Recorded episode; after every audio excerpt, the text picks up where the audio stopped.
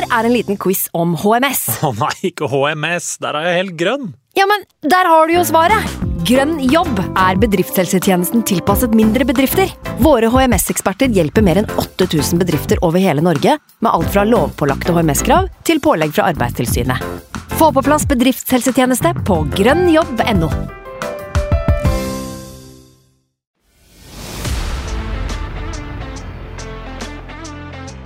When I lose a duel, I'm upset. When I lose the small side of the game, I'm upset. Because that's the fucking standard. Martin Odegaard has hit it into the bottom corner. And Arsenal are dreaming. Here they come again.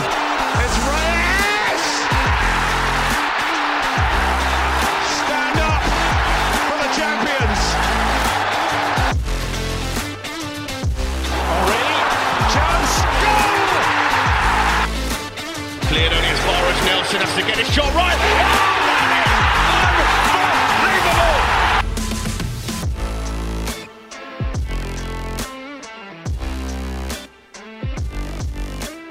Der var vi tilbake. Velkommen til en ny episode med Arsenal Station. For andre gang med Magnus Johansen, Sivert Skarstein Eriksen og meg, Andreas Larsen.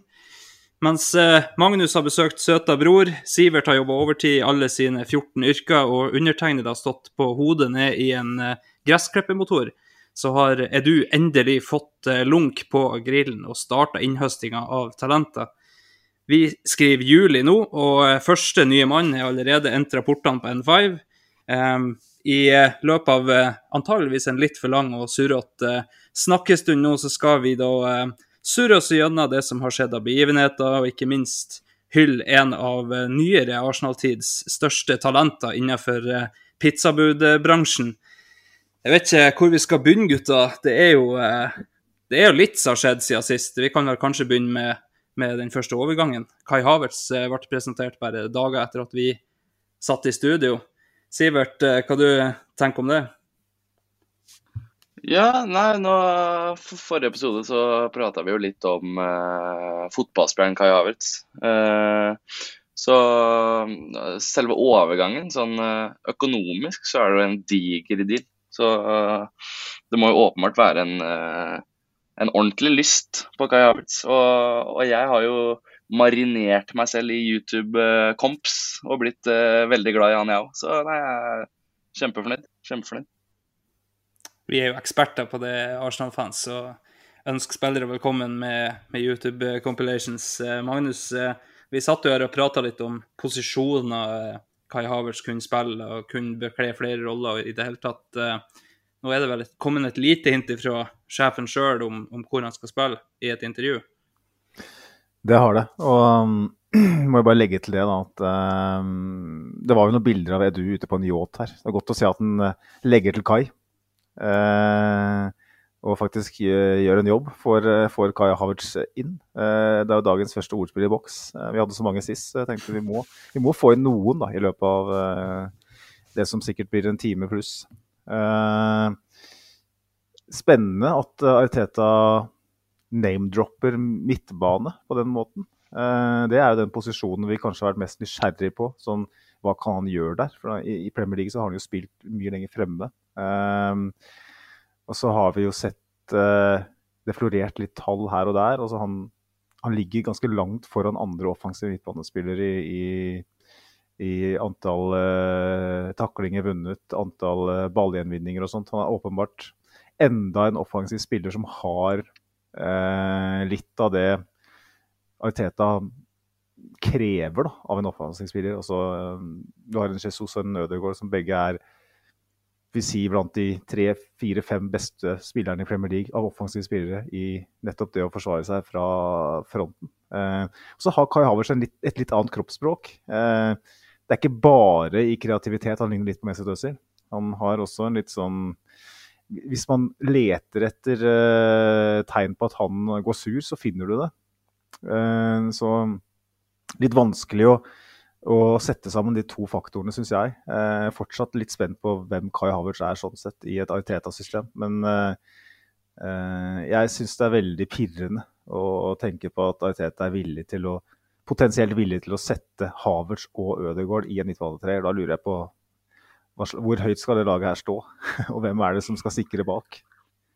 Ja, også- vi har jo hatt, eh, har hatt eh, litt grann diskusjoner i forrige episode om, om hvor han skulle, og, og eh, hva vi liksom kunne forvente oss i, eh, i det defensive, på, med tanke på at vi som regel har hatt minst to på midtbanen som skulle gjøre den defensive jobben, i tillegg til en Zinchenko som kommer inn. Så det er jo veldig spennende når Teta da eh, sier det at eh, han, han er et fantastisk tilvekst til midtbanen vår i et intervju. Det er jo, eh, det er jo veldig enkelt. Da har han bestemt at det er der han skal spille. Så kan det jo godt hende vi får se han i en falsk nier, og, og kanskje til og med på høyre, men, men eh, det er jo tydelig at det er der han er tiltenkt. Sivert, du hadde noe du ville si?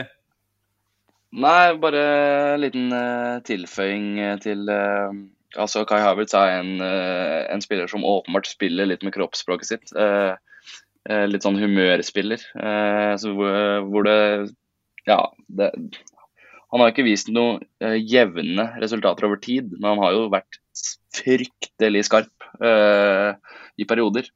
Så å få inn en sånn spiller i et kollektiv som Arsenal, hvor stemningen er så god om dagen, og holdt jeg på å si Man kan ha en off-day som enkeltspiller, og kollektivet ruller videre.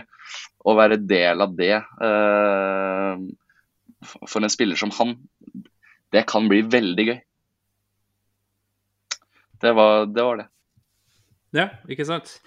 Nå, eh, nå har jo Aiteta som sagt nevnt litt eh, hvor vi kan se for oss eh, at han skal spille. Det fører oss jo naturlig nok til hvem som skal dekke det defensive, da. Og det, det ser jo ut som det blir Declan Rice. Det vil jo tilføre enda mer kraft og høyde i, i laget, i tillegg til Kai Havertz. Eh, Vi kan jo nevne det at Kai Havertz har skåra nesten 30% av målene sine på hodet, eh, noe vi ikke er bortskjemt med. Eh, folk som har, har gjort i Altså, Gabriel har vel skåra alle sine på hodet, for så vidt, men eh, omtrent. Så det, men, eh, men av angrepsplanene våre så er det ikke veldig mye høyde der, så, eh, så det er absolutt en, en velkommen tilvekst. Men eh, Skulle vi henta tilbake William nå? For da endelig kunne de der 40 innleggene per kamp som han hadde, eh, resultert i mål. Jeg bare, jeg bare, for nå så at det var noe problem med kontraktsforhandlingene i Fulham, at han krevde mer enn det, enn det de kunne tilby på nede ved Putney, som Sivert eh, trives så godt ved. Hvis eh, Kai Havertz også skal inn og skåre litt mål på huet, så kan vi jo hente tilbake Bakari Sangena, så kan jo han endelig slå ett bra innlegg. Eh, det hadde jo også Ett innlegg som ender med assist. Det hadde vært gøy, da. Ja, vi har, vi har flere på den lista der, så vi, så vi kan hente inn i så fall. Men uh, jeg- vi, vi må vel eh, understreke det at det er ikke noe vi ønsker noen av delene. Uh, William han skal få lov å være hvor i helsike han vil, bortsett fra i Arsenal, tenker jeg.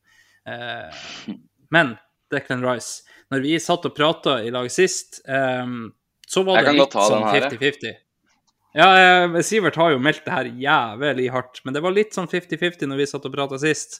Eh, City eller Arsenal. Eh, Sivert, du meldte jo knallhardt Arsenal, eh, og, eh, og da skal du få lov å slå deg løs her i det som er din største spådom denne eh, sommeren her. Jo, jeg meldte jo på Rice. Egentlig så har jeg gjort det siden mars, Andreas. Jeg skal ikke påberope meg selv noe eh, synske evner eller noen ting, men jeg har én kilde som er veldig tett på, på Arsenal.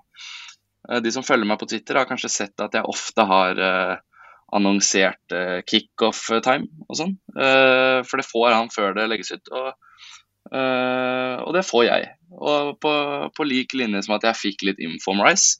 Og da, jeg syns jo det er stort, selvfølgelig. Jeg syns det er gøy.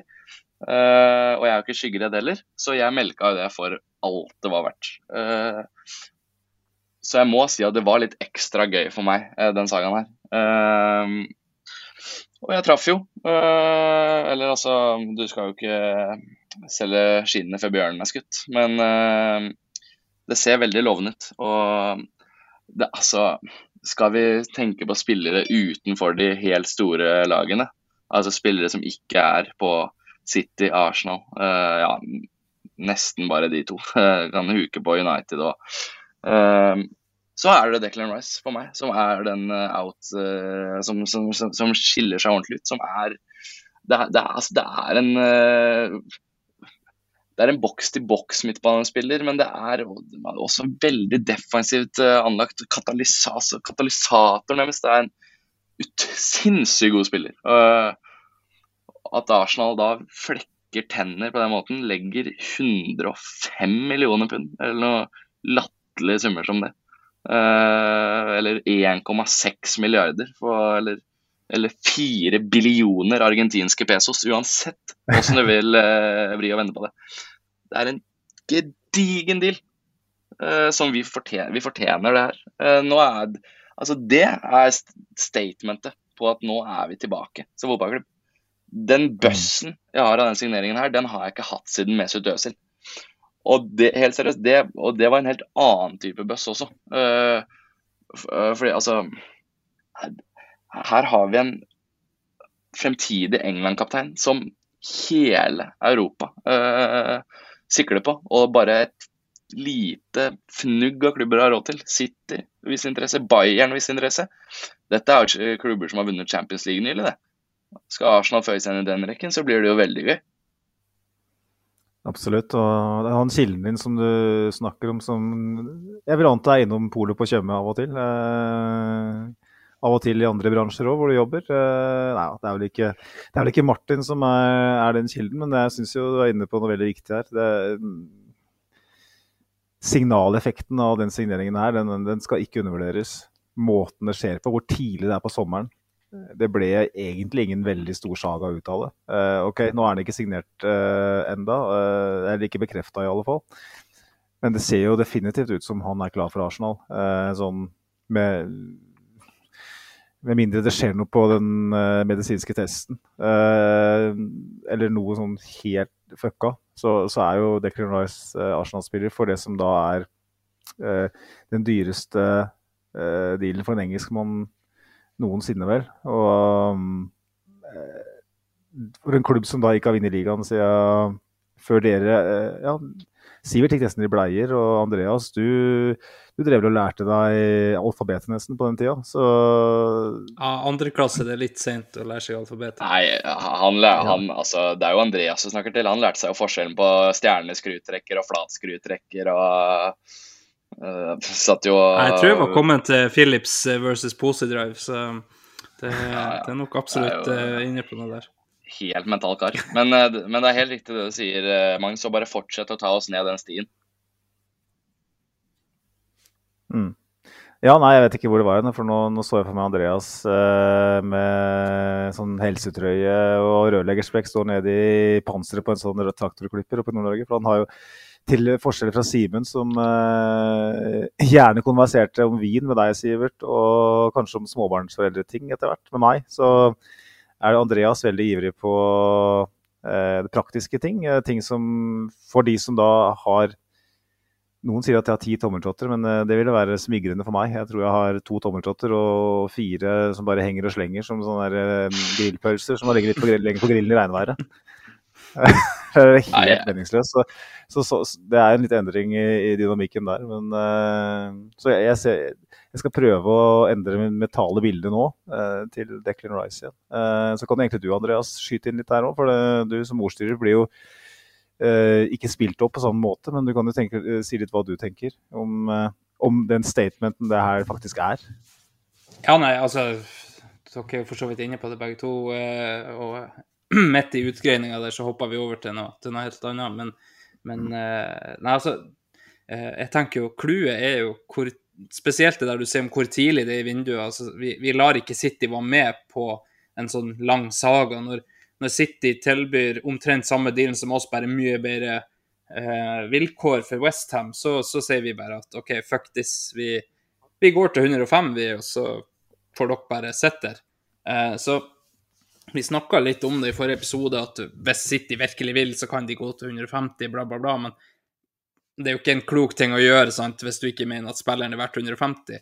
Eh, nå er jeg, eh, jeg er på, i samme båt som, som Sivert. Eh, eh, lagt til kai, som du sier, Magnus. Eh, vi, vi, ser en helt sinnssyk fotballspiller der.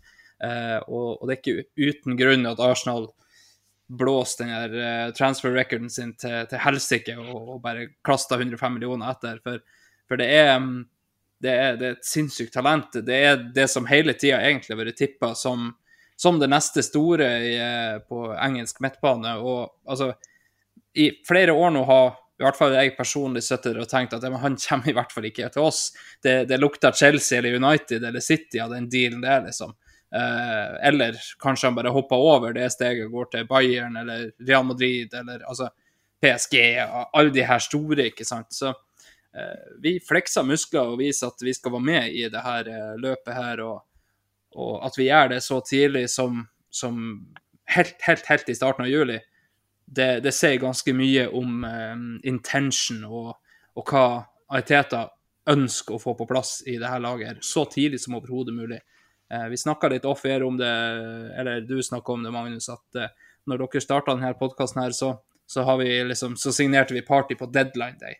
Eh, vi gikk en hel sommer der vi var sånn Ja, de er interessert i party, men de skal se på andre ting først. For at party var bare å løse ut klausulen, for Atletico gjorde det veldig klart at uh, uten den klausulen så får dere den ikke. Uh, og vi så etter Jorginho og diverse andre eh, mål, og så er det deadline det vi får det på, liksom. Eh, men nå er vi altså der at Declan Rice han kan faktisk ta flyet eh, omtrent i lag med guttene til, til, USA. Det, mm, hvis, mm. som du er inne på, Magnus, at alt går, går i orden, da. Det, mm, nei, det, det er helt vanvittig signering. Det sier veldig mye om, om hvordan Ariteta og Edu ser på klubben, da, kontra fem år siden. Eller så lite som tre år siden. Det er jo fristende å, å, snakke litt mer rundt det du sa der, eh, som veteran i poden, som da var med på den reisen tidlig. Jeg vet jo du starta din podkast ganske kjapt etterpå, Andreas. Eh, og man, som podkaster så dykker man enda dypere i materien av og til. Eh, rett og slett fordi at skal man ha noe å by på overfor de som følger godt med, så, så er det hva man gjør. Og fra da å sparke sportsdirektøren 10.8, eh, som da var tett involvert i nesten alle dealene vi jobba med. Og da hentet Thomas Party et panikkgrep på deadline day. Eh, som deadline day på det tidspunktet var vel 15.10 eller noe sånt pga. koronaviruset og utsatt eh, Premier League-rundene da på våren. Til det her, altså Nå vi altså, er vi altså i ferd med å legge til kai, høste inn ris og kviste tømmer før vi skriver uh, eh, 10.7. Det er uh, helt utrolig. Det er nesten en sånn metaforisk uh, høydepunkt i, i, mitt liv som Arsenal-supporter, når, man når man har de mulighetene her. Det er nesten ikke til å tro at den fotballklubben her gjør seg så tidlig ferdig med de viktigste grepene. dette er en klubb hvor vi er vant til uh, at, at, ting skjer i siste liten. Og vi har fått ganske klar beskjed fra medsupporter om at overgangsvinduet er komplisert. Det er vanskelig å få dealer i havn. Man må vente på den rette tidspunktet. Man kan ikke forhaste seg. Man kan ikke betale 50 millioner overpris. Uh, norske kroner, vel å merke. man må akseptere at de tre første kampene ender i uavgjort, tap, seier.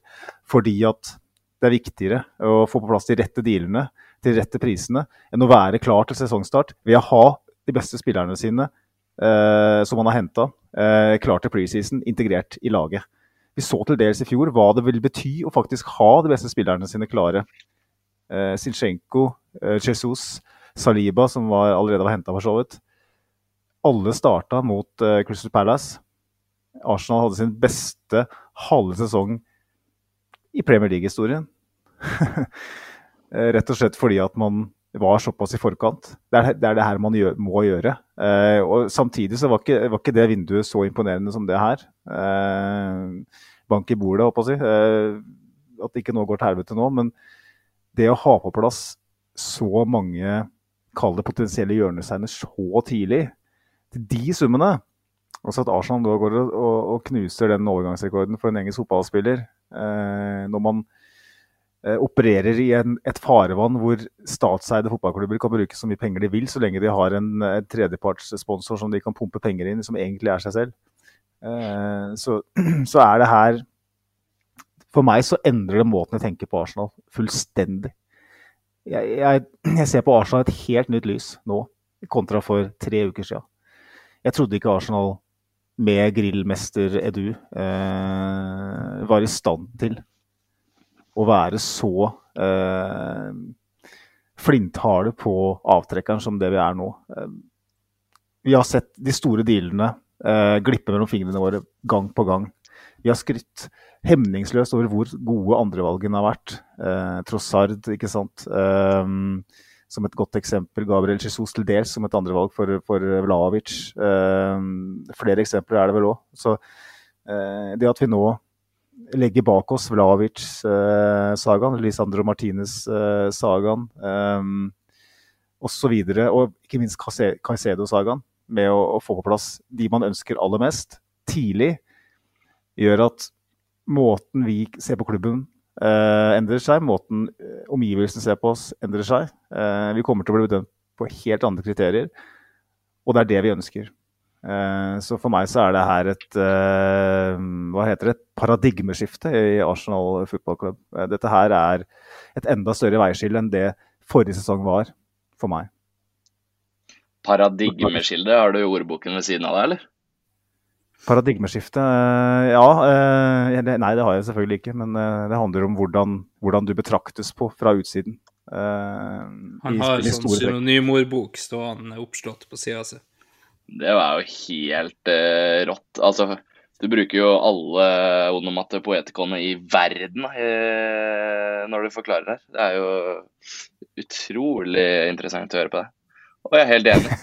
uh, altså, jeg altså, folk sier hvor, hvor, hvor kommer pengene fra? hva er det her for noe rør?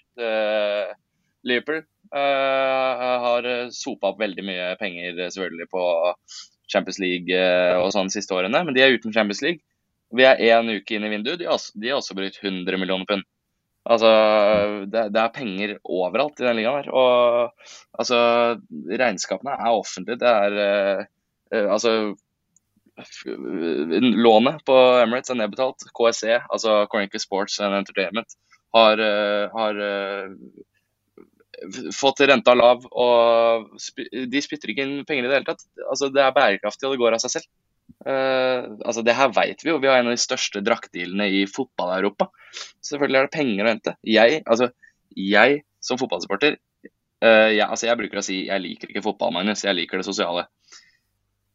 Jeg liker i hvert fall ikke økonomi.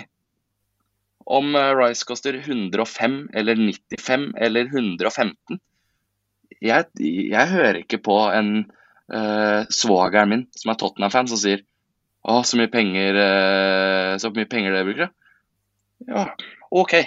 Kos deg med Solomon. Sånn. Det var det jeg ville si.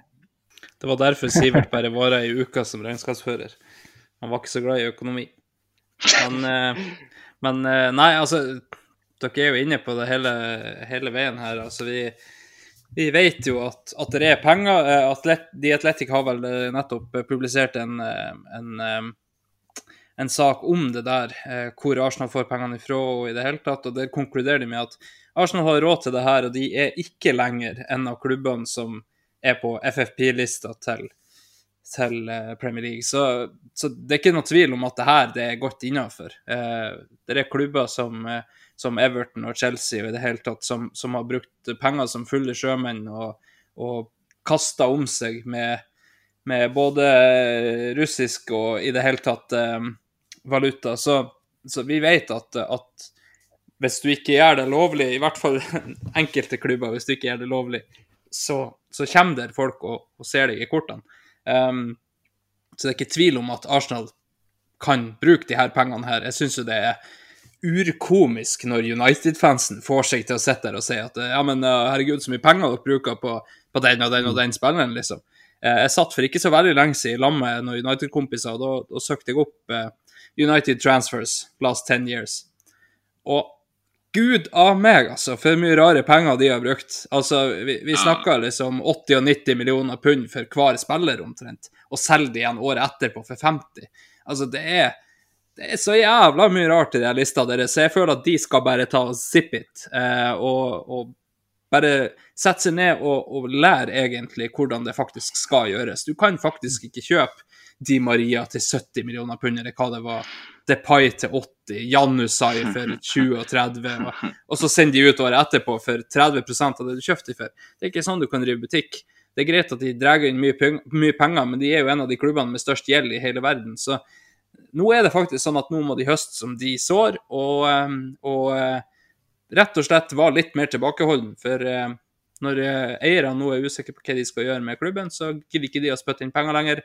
Da er realiteten det at de sitter med gjeld og ikke kan bruke så mye penger. Og ergo sitter vi mye bedre i det, som ikke har gjeld, som har brukt pengene våre smart, som har kommet oss til Champions League. Vi har et FA Cup-trofé for et par sesonger siden. Det dro vi inn litt penger til det vi gjorde i fjor, eh, osv., osv. Og så ser vi òg at det er faktisk noe salg nå som, som er nært forestående, som i hvert fall kan dra inn litt eh, penger. Så nei, eh, vi er i en helt annen situasjon enn en, eh, enn det vi har vært før, og vi er i en helt annen situasjon enn konkurrentene våre nå, som sitter og sammenligner seg sjøl med oss.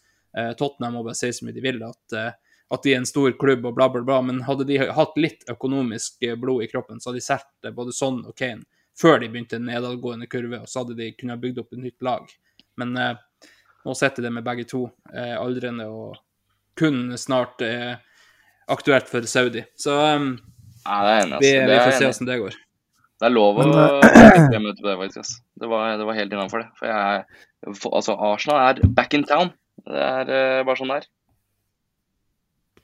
Så er det viktig å påpeke det, da, Andreas, at uh, ja, Arsenal er i en god økonomisk situasjon, men det er et, innebærer voldsomt med risiko for Arsenal å bruke 105 Mm. millioner pund på en fotballspiller, som da skal etter sigende betales i en periode i rater da, på tre eller fire år, eh, ettersom hva de blir enige om i klubbene imellom. 105 millioner delt på fire år, da, eh, skal vi ta det regnestykket. Og så det, det vil til dels eh, legge noe begrensning på hva du kan gjøre i vinduene som kommer.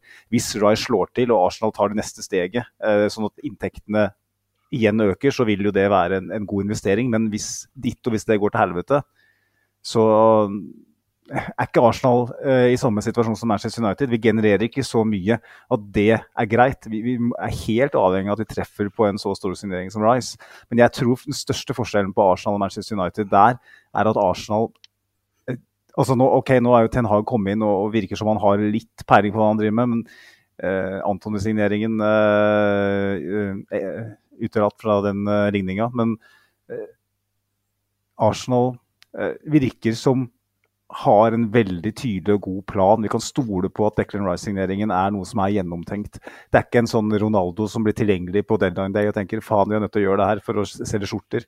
Eller en eh, Paul Pogba fordi at han har vært i klubben tidligere og har et, et navn i fotball-Europa. Og så kommer han til klubben, så prøver han en posisjon som han ikke passer i det hele tatt. Og bruker fem-seks år på å finne ut at han ikke var rett mann. For var det 90 millioner pund eller noe sånt. Dette er ikke Arsenal. Eh, økonomisk sett så er vi fortsatt såpass begrensa i forhold til de aller største at vi, vi trenger å treffe. Men akkurat nå så virker det som Altså Liverpool, da, for å ta det, som er utafor Champions League, som du sier. De går og, og punger ut en utkjøpsklausul på 70 millioner euro. Den skal betales nå. Mm. Og de har allerede ganske heftige rater på en Darwin Nunes. De har, de har rater på en uh, Gakpo. Uh, det er ikke sånn at Liverpool ikke bruke penger. Det er så jævlig viktig å se på lønn, se på hvor lang tid skal det betales ned på. Vi lærte faktisk litt grann av Todd Bowley i, eh, i, i fjor, bortsett fra det at han er en klovn, så lærte vi at reglene er til for å strekkes. Det er smutthull overalt. Eh, så lenge du strekker betalingen utover lang tid. Nå er det jo slutt på det, selvfølgelig, for nå har jo Chelsea nok en gang fått gjort en lovendring fordi at de har sett et smutthull. Det er jo Chelsea, Chelsea way. Det viser bare at hvis du får strukturert betalingen, si over en femårsperiode, da, eh, på en spiller til eh, 50 millioner eh, pund, så er det 10 millioner pund i året. da.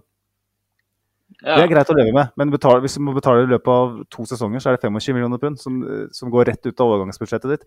Og så har du lønns, et lønnsnivå som må tas i betraktning. Mm. Folk, som sitter, folk som melder at Erling Haaland kosta Kost- utkjøpsklausul Kosta bare 60 han. Kosta bare 60 han. Og så ta med de og, og Elon Musk og finn en flisete wire og piss dem så hardt på balla som det er mulig å gjøre. Er det mulig? Altså, Sånne ting irriterer meg. da. Og, og, og Twitter-debatten som, som regjerer i, i så måte, der er det så mange, jeg vil si til dels oppegående folk som går i den fella og kun ser på overgangssum. Det irriterer meg altså Ja. så jævlig. Det er så mange Så- nyanser her som må med i, i betraktningen. Arsenal for eksempel, brukte da mest penger for to år siden, i 2021.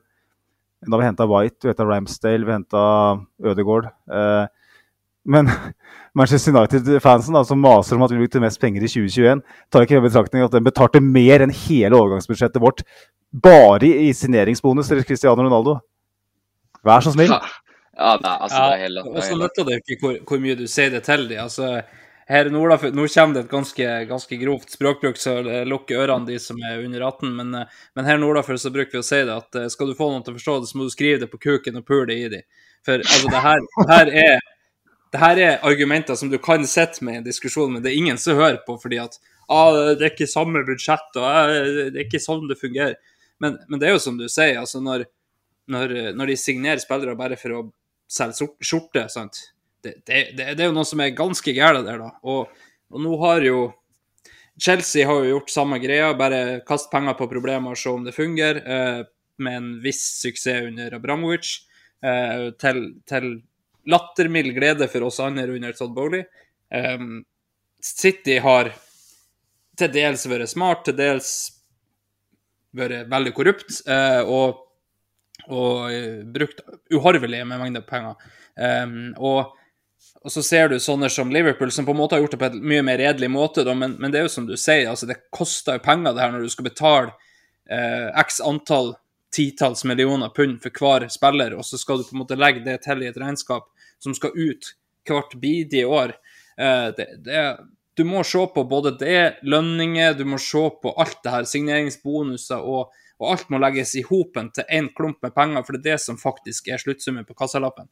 Det er ikke sånn at eh, ah, jeg, fikk, eh, jeg fikk en eh, flytur med, med det billigste flyselskapet, det kosta bare 100 kroner å, dra til England. Eh, Men jeg måtte betale 5000 i flyseteavgift, jeg måtte betale 10 000 for å ha med meg en koffert. Da er det faktisk sånn at det er 15 100 kroner som står på slutten av kassalappen din. Så det, du, kan ikke, du kan ikke sitte der og si at de ikke bruker penger, som Magnus sier. Så eh, nei, deilig. Vi fikk litt utblåsing, i hvert Altså- fall jeg og Magnus, og Sivert var nå litt med på det. Nei, men altså, jeg syns bare det er viktig å se ting i et litt eh, lengre perspektiv. Da. Altså, det var en tiårsperiode uh, etter vi bygde Emirates hvor vi solgte hver eneste spiller som klarte å trikse til mer enn 15. Eh, og, og, og vi gikk i pluss netto på overganger i mange år. Ja, nå har vi brukt veldig mye penger til oss å være på å etablere oss i toppen. Eh, det har vi gjort. Det gjorde Liverpool også. De, altså, Liverpool en gang i tiden som mener at de ikke bruker penger henta tidenes styreskeeper, tidenes dyreste mi- midtstopper. Eh, og så ble de jævla gode. Uh, havna på andreplass. Sommeren etter de havna på andreplass, henter de Harvey Elliot eh, og Nat Phillips. Det er det de henter. Eh, de, brukte ikke en krone, de, da. Vinner Premier League med over 100 poeng. Altså, når, du, når fundamentet er lagt, så er, altså, Vi kommer jo ikke til å bruke 200 millioner hver sommer. Vi, altså, vi skryter jo masse av at vi har det yngste laget i Premier League og bare kommer til å utvikle oss og sånn. Og det stemmer. Vi mangla bare et par hjørnesteiner nå. Og så neste sommer kanskje kommer inn en spiss og kanskje kommer inn en ny venstreback, og du veit jo aldri. Men altså det, altså det bygges jo for å tjene penger her. Det skal jo være sustainable. Mm. Det er, jeg er så lei av folk som bare øh, finner på ligninger. Og bare Altså, det, det, det, det irriterer meg så jævlig.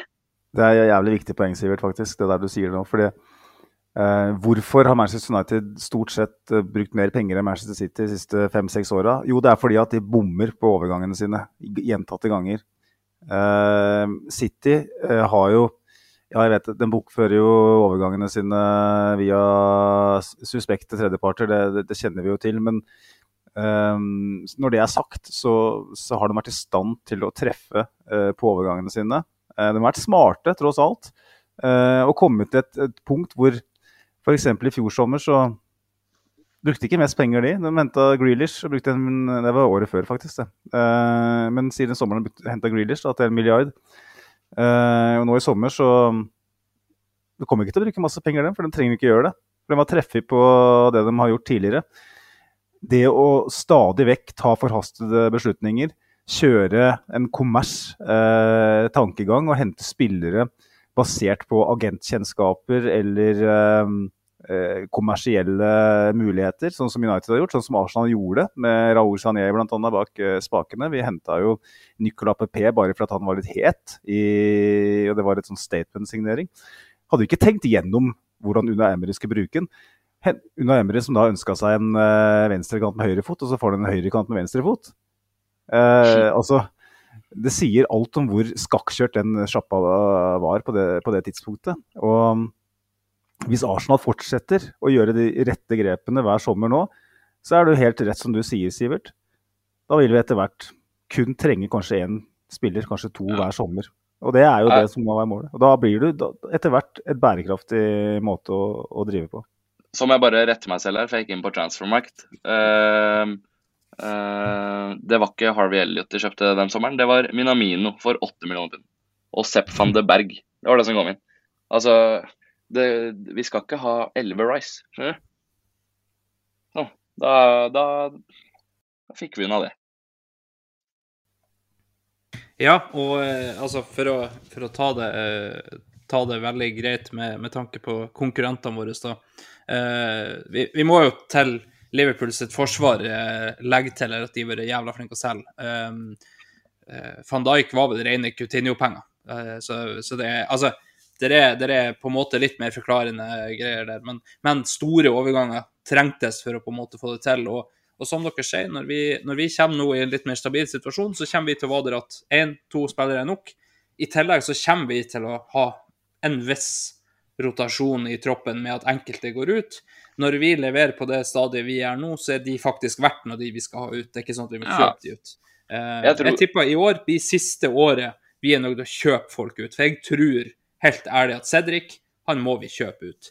Eh, kanskje PP hvis ikke Saudi er inni der, men men det er noe så. Nå har, nå har jeg sjekka litt tallene til United, for at eh, det gjør meg jævla glad å se på det. Men ehm, eh, det året det, det begynte, det, det store ehm, pengebruken deres, eh, var i 2014. Da kom Angel Di Maria for 75 millioner euro. eh, Luke Shaw for 37,5 millioner euro. Ander Herrera for 36. Eh, Marcos Rojo for 20, og så er det noe, noe, litt mindre under der. De brukte altså totalt 195 millioner euro i 14-15. Det, Eh, det var mye for ti år siden. de- Ja, det er veldig mye for ti år siden. Um, og året etterpå så selger de Ankel Di Maria for 63. Det er ganske mye sånn relativt. eh, Jeg husker det som mye mindre enn det. Men, men eh, de selger jo han. De selger eh, Nani, Robin van Persie, Chicharito, Johnny Evans. De får inn sånn 100% totalt får de inn 100 millioner euro, så det er ikke så ille. Men de bruker 156. Eh, og hvis du ser hvem det er de kjøper her, så er det Morgan Schneiderlin, det er Memphis Depay, det er Anthony Martial. Ja, han har vært det lenge, men ikke fortell meg at han var verdt 60 millioner euro. Det kan du ikke fortelle meg. Det er bare fordi du får fordele det utover mange år at han er verdt det. Um, Morgan Schneiderlin var ikke verdt 35 millioner euro. Og eh, Memphis Depay, sånn som han spilte, for de var ikke verdt 34. De solgte han året etterpå på for 16. Uh, så du kan liksom ikke Og de selger òg Morgan Schneiderlin året etterpå for 23, bare så det er sagt. Uh, og sånn har de drevet hele veien her. Det er Paul Pogba inn for 105 millioner pund, Henrik Mkhitaryan for 42, det er Erik Bailly inn for 38. Eh, det er liksom Og så sier de at Zlatan Ibrahimovic er en free transfer. Ikke kom og fortell meg at han ikke fikk ei feit signeringsbonus når han kom på, eh, ifra, eh, ifra PSG der. Og det året bruker de 185 millioner pund. De fikk inn 45. Det er 140 millioner eh, euro, ikke pund, i minus, det. Eh, så, og sånn har de jo holdt på hele veien, da. Lukaku for 84, Matic for 44. Eh, og så selger de Daily Brint for 16, sant. Året etterpå bruker de 198 millioner euro, de får inn 14. Nei, 30, sorry. Ikke 14, 30. Men fortsatt ganske hårreisende. Eh, og det er bare sånne. De snakker om der United Tax, at de må betale mer enn det andre klubber må. Men det er jo fordi at de, de faktisk gjør det, da. Eh, så kommer du til 1920. De, de må bare komme til oss og si at det er gærent å bruke penger. Men i 1920 så så brukte de 236 millioner euro. Vet du hva de fikk inn? 19! Ja. Altså, det, det her er det er minusregnskap hele veien. Det er det, det, det må du regne med, men jeg tenker jo først og fremst at uh, det er jo syke tall det her, og United-fansen i så måte på Twitter har jo absolutt ingen krutt i den børsa si når de skal prøve å, å, å skyte oss ned. Når det er sagt, så tenker jeg jo at Manchester United til dels må vi respektere fordi at tross alt er penger de har generert sjøl. Ja altså, hvorfor, sett hvorfor, skal vi krangle med United og Liverpool-fansen på Twitter om penger brukt? Det forstår jeg ingenting av. Vi må først og fremst, først og fremst ta den debatten med de, de statseide, korrupte klubbene som, som Mm. eksisterer nå. Og Manchester United er jo kanskje i ferd med å, å gå inn i, i samme situasjon. Eh, og da, da vil jeg også jeg omtale det med, på en, med en helt annen, eh, med et helt annet utgangspunkt. Og, eh, jeg syns jo det, det, det aller mest oppsiktsvekkende med de tallene du, du presenterer her, er jo hvordan er det mulig å være i en så god posisjon som dem er, og kunne gjøre det her gang på gang, år etter år, Mm. og gå så forferdelig på trynet. For det er, med unntak av Chelsea under Todd Bowley, så er det den største mageplaske i engelsk fotball eh, de siste 20 åra, det Manchester United holdt på med. Det Mm. Skal ikke være mulig å gjøre det så ræva med et sånt utgangspunkt. Altså, folk reagerer, på, øh, folk reagerer på at vi bruker mye penger fordi, fordi de, alle slår til. Hva, hva skal man si, da? Du kan ikke sitte og le av våre signeringer, for det er jo klassesigneringer. Altså, Plutselig så er det ah, Ben White er grei, men han kosta faktisk 50 millioner pund. da. Det er ganske mye, da. Altså, Ten Hag øh, kjøpte brasilianske Sonic for 90 millioner pund. Men øh, det, det driter folk i, da, fordi han er dårlig. Så folk ler bare at han er dårlig. Eh, sum, summen er jo borte for lenge siden. Uh, og det, det er sånn jeg holder på hele veien. Og det er så Ja, samme det. Nå er, jeg- nå er jeg lei av Manchester United. Ja, vi kan godt, vi kan godt uh, gå videre fra dem, det kjenner Vi jeg òg. kan eh, veldig godt gå videre. Det, det mest komiske faktisk, det mest komiske året var faktisk i fjor, når de brukte 243 og fikk inn én. Da er jeg. Altså, jeg, Da er, vi, da er vi i hvert fall ferdig med United. Det var, det var min personlige rant pga. kompisene mine, så eh, den, den skal jeg stå og dø for, så det er helt greit. Men vi har jo eh, vi har litt mer som skjer, da. Du har jo meldt han kraftig inn, eller ikke kraftig inn, egentlig, men du har, du har malt som en katt eh, om han, og Jurien Timber ser jo ut som han er bortimot klar. Det er egentlig bare litt det samme som Westham, de skal bare bli enige om betalingsstruktur. Um, om Declan Rice og Jurien Timber. Um, har du noe mer enn det du, det du la på bordet sist, Magnus, eh, når det kommer til, eh, kommer til mannen fra Nederland? Nei. Nei, men da er det Nei, egentlig, jeg, har, jeg har egentlig ikke det. Jeg, har, jeg, har, eh, jeg tror jeg fikk fram poenget mitt og vel så det i forrige episode. Eh, og jeg har ikke sett så mange kamper heller at jeg kan eh, påberope meg å være en ekspert. Så eh, jeg tenker bare at det er utrolig positivt at eh, det ser ut som det går igjennom. Og så har vi jo Det som er mer interessant, er å tenke på igjen eh, hva det vil si for eh, for konstellasjonen eh, vi stiller opp i. Og så mm, med Havertz da potensielt, ifølge Ariteta, som midtbanespiller, så styrker jo det teorien eh, vi hadde i forrige episode om at uh, Timber kommer inn som eh, i rollen til Ben White. Ikke, i, ikke nødvendigvis som en hovedregel hele veien, men at det vil være en mulighet. Og at Sinchenko da enten rykker lenger frem eller blir tatt ut av laget når Timber spiller, sånn at vi kan ha en mer stoppertype, mer Ben White-type på venstre bekk. Det det er det eneste jeg har å legge til, egentlig. Jeg gleder meg ekstremt til at forhåpentligvis den signeringen går i boks. Den kommer til å være mer gira enn eh, Declan Rice, og det er bare for at jeg er så jævlig keen på fyr. jeg må legge til en ting her. Og det er, Magnus er litt grunnen til at det irriterer meg. Men eh, vi har alle hatt fotballspiller-crush, så jeg skal la han passere. Det er mer Twitter som irriterer meg. Og her kommer greia. Jeg har skjønt at Jurien Timber er god, jeg også.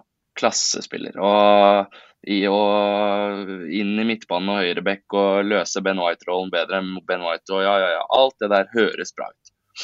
Men vi snakker om Ben White. Vi snakker som om han ikke er dritbra. Eh, og bare la meg fullføre. Det er min favorittspiller i Arsenal. Det har jeg sagt mange ganger. Magnus eh, ga han vel en åtter på sesongoppsummeringen. Og altså, det er den eneste spilleren vår, uh, syns jeg, av alle, som ikke hadde en formdupp i løpet av en eh, sesong på 45-50 kamper.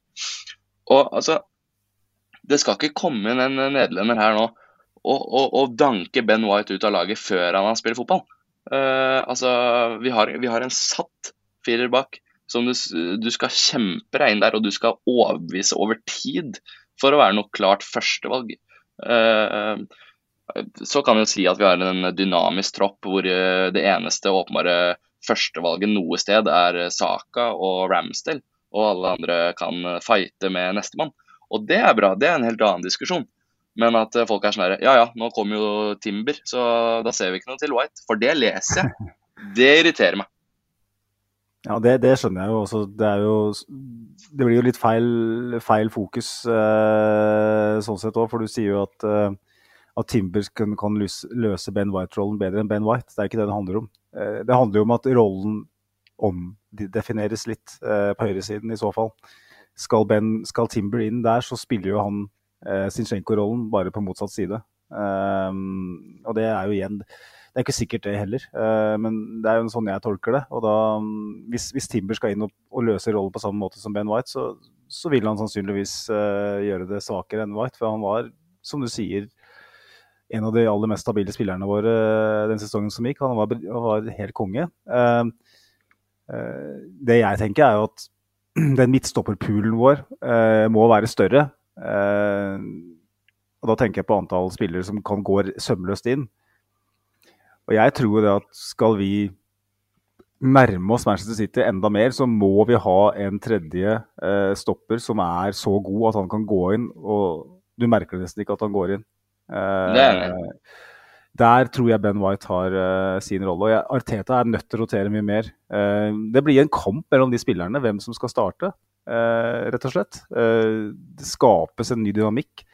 Hvem er det som griper sjansen her? Eh, Klarer Timber å, å utfordre Ben White? Klarer uh, Zinchenko å være solid nok én mot én defensivt til at de kan spille med Havertz og, og Rice i, mot topp uh, motstand? Altså, Havertz, det hørtes feil ut, da. med Havertz er det mer riktig å si. Uh, så jeg tenker at det gir oss mer fleksibilitet.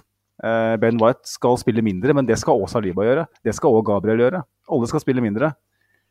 City gjør det her. Eh, om den spiller totalt mindre eh, enn det de Arsenal-spillerne gjorde i fjor, det, det kan diskuteres. for De har jo spilt i flere turneringer. Men det er ikke sånn at eh, Gabriel og Saliba skal starte 38 Premier League-kamper.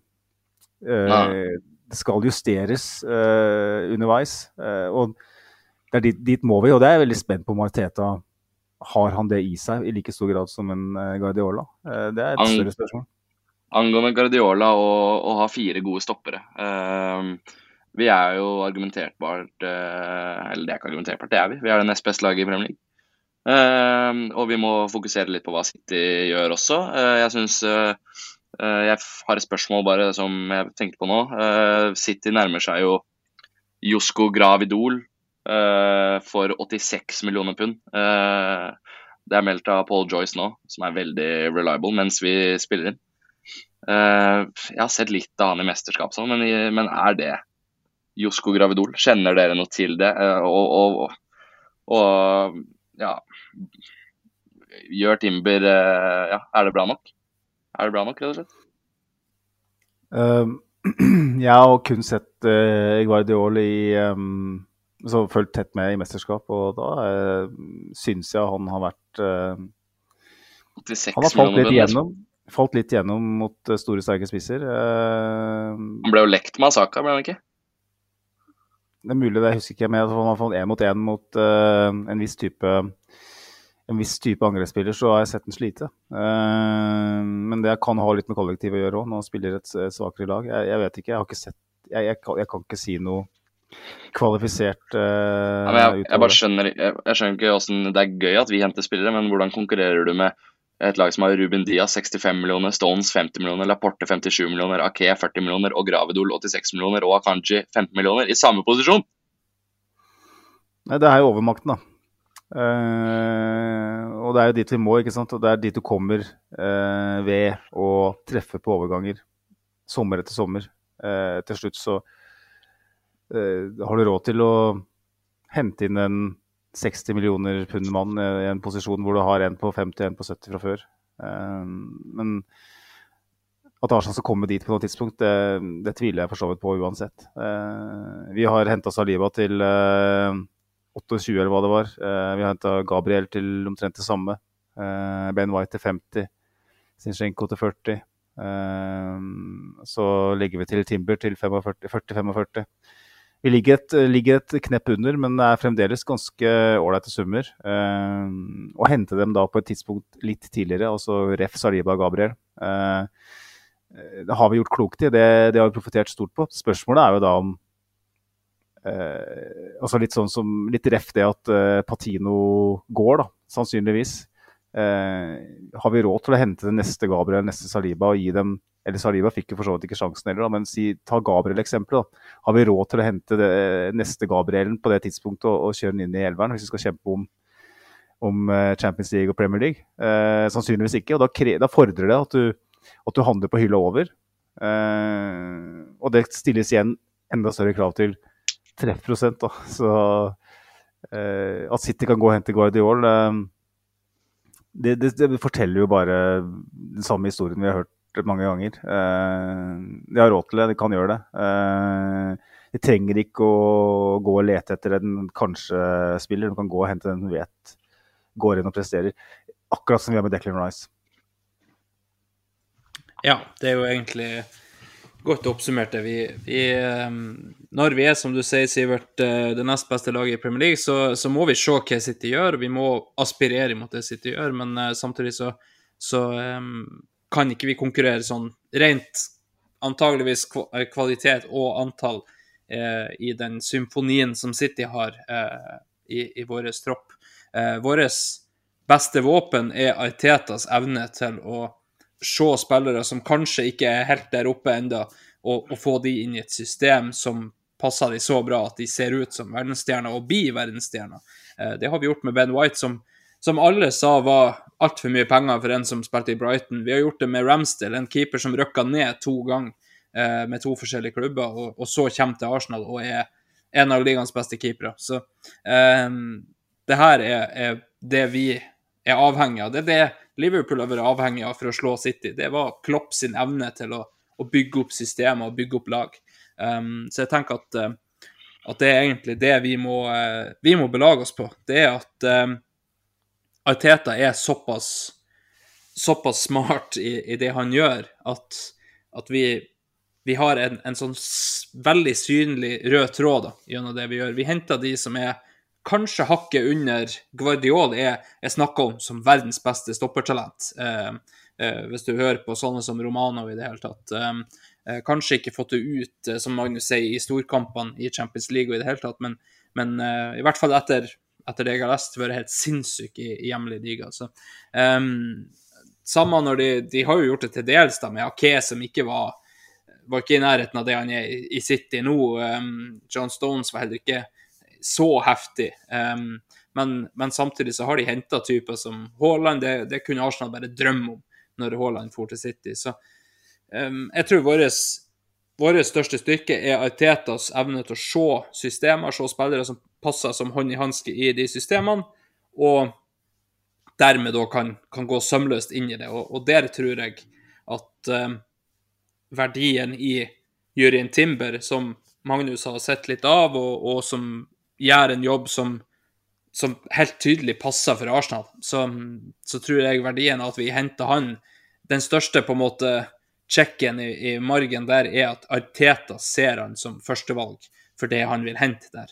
Eh, samme med Havet, samme med Declan Rice. Eh, så kan vi jo se at Declan Rice eh, er jo veldig tydelig et, et godt førstevalg i, i den rollen, men, eh, men vi, jeg tror hovedsaken er, Vi, vi snakka litt om det i forrige episode, at hvis Teta vil ha en mann, så vil vi òg ha en. Eh, så, så, sa jo du som rett er, Sivert, at det er en ganske lazy take. Men, men samtidig så er det jo sånn at vi, vi nå har vi har lært oss å, å forvente at Arteta treffer på Han har vel truffet på 80-ish prosent av kjøpene sine, og de som har bomma, har stort sett ikke vært hans. Altså William, Cedric. Eh, Cedric ville han vel ha, men, men sånne typer. da. Eh, og, og, de som kanskje ikke har vært helt der oppe, sånn som Vieira og sånn, det ser vi at det kan bli noe.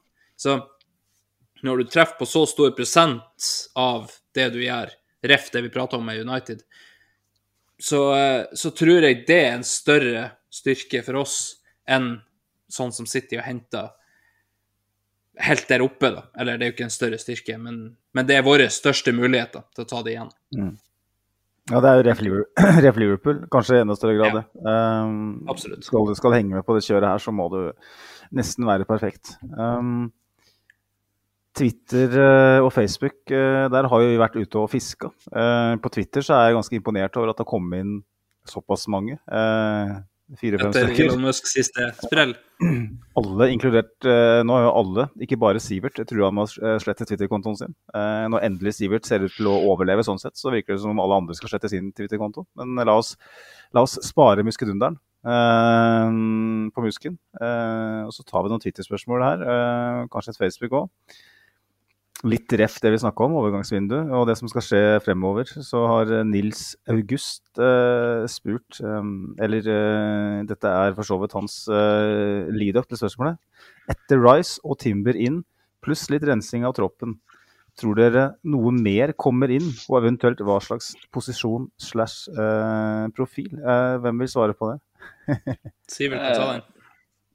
Ja, Uh, jeg syns det kommer an på øhm, flere ting. Eh, jeg tror vi er fer ferdighandla uh, personlig, men eh, med det sagt eh, ender, Thomas, ender vi opp med å få en så god deal for Thomas Party at eh, han blir solgt, så er det jo selvfølgelig for tynt på midten der.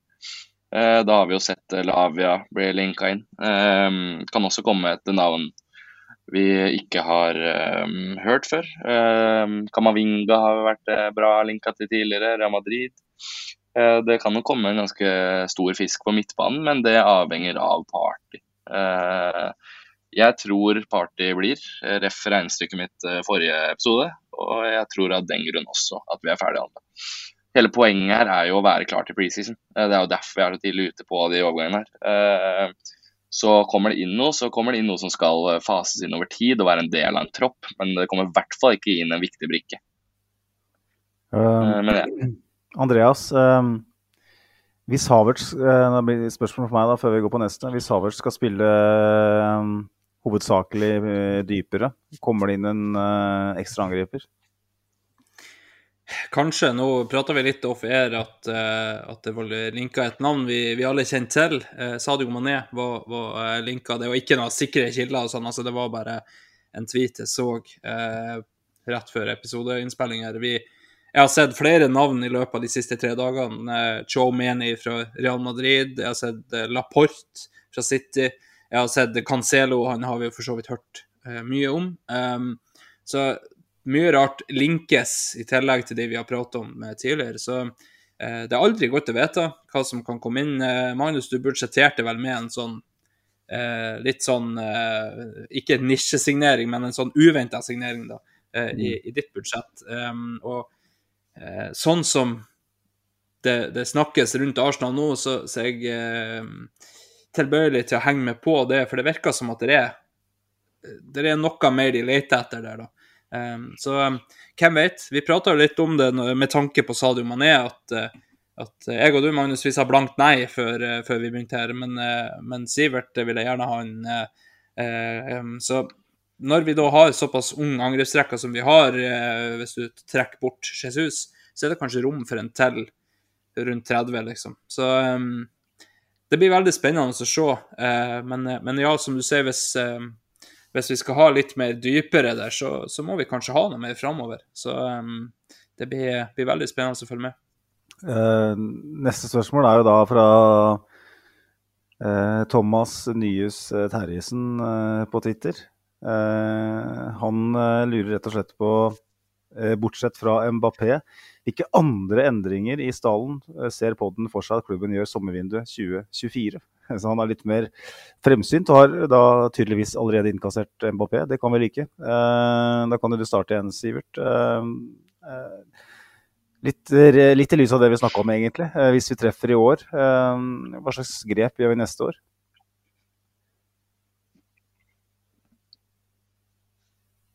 Sivert?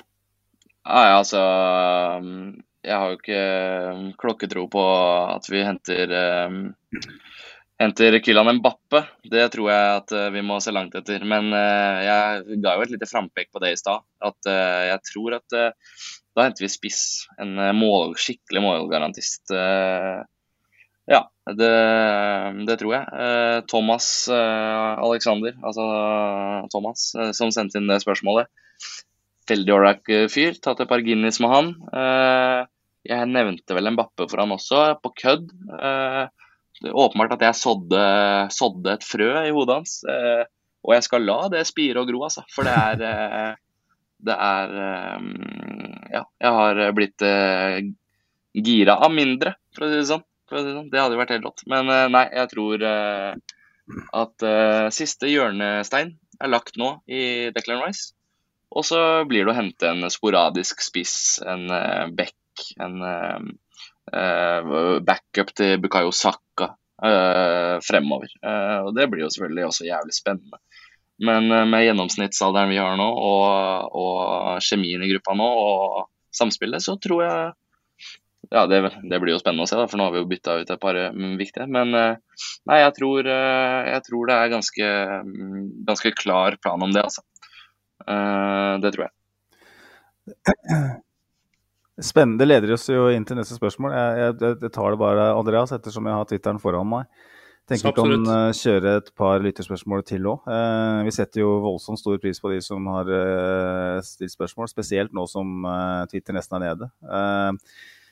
Christian Fred, at Christian Fred 22 på Twitter, han, han, stiller jo da spørsmålet Hvis ryktene om lønn på Kai Havertz, 330 000 pund i uka, Uh, stemmer. Uh, det, er det bekymringsverdig med tanke på hierarkiet i, i stallen? Han, han, eh, legger også til at han uh, tror Havertz er tiltenkt en venstre åtter, og at han slipper unna noe defensivt arbeid med en invertert wingback. Men ja, Andreas, er du redd for at at en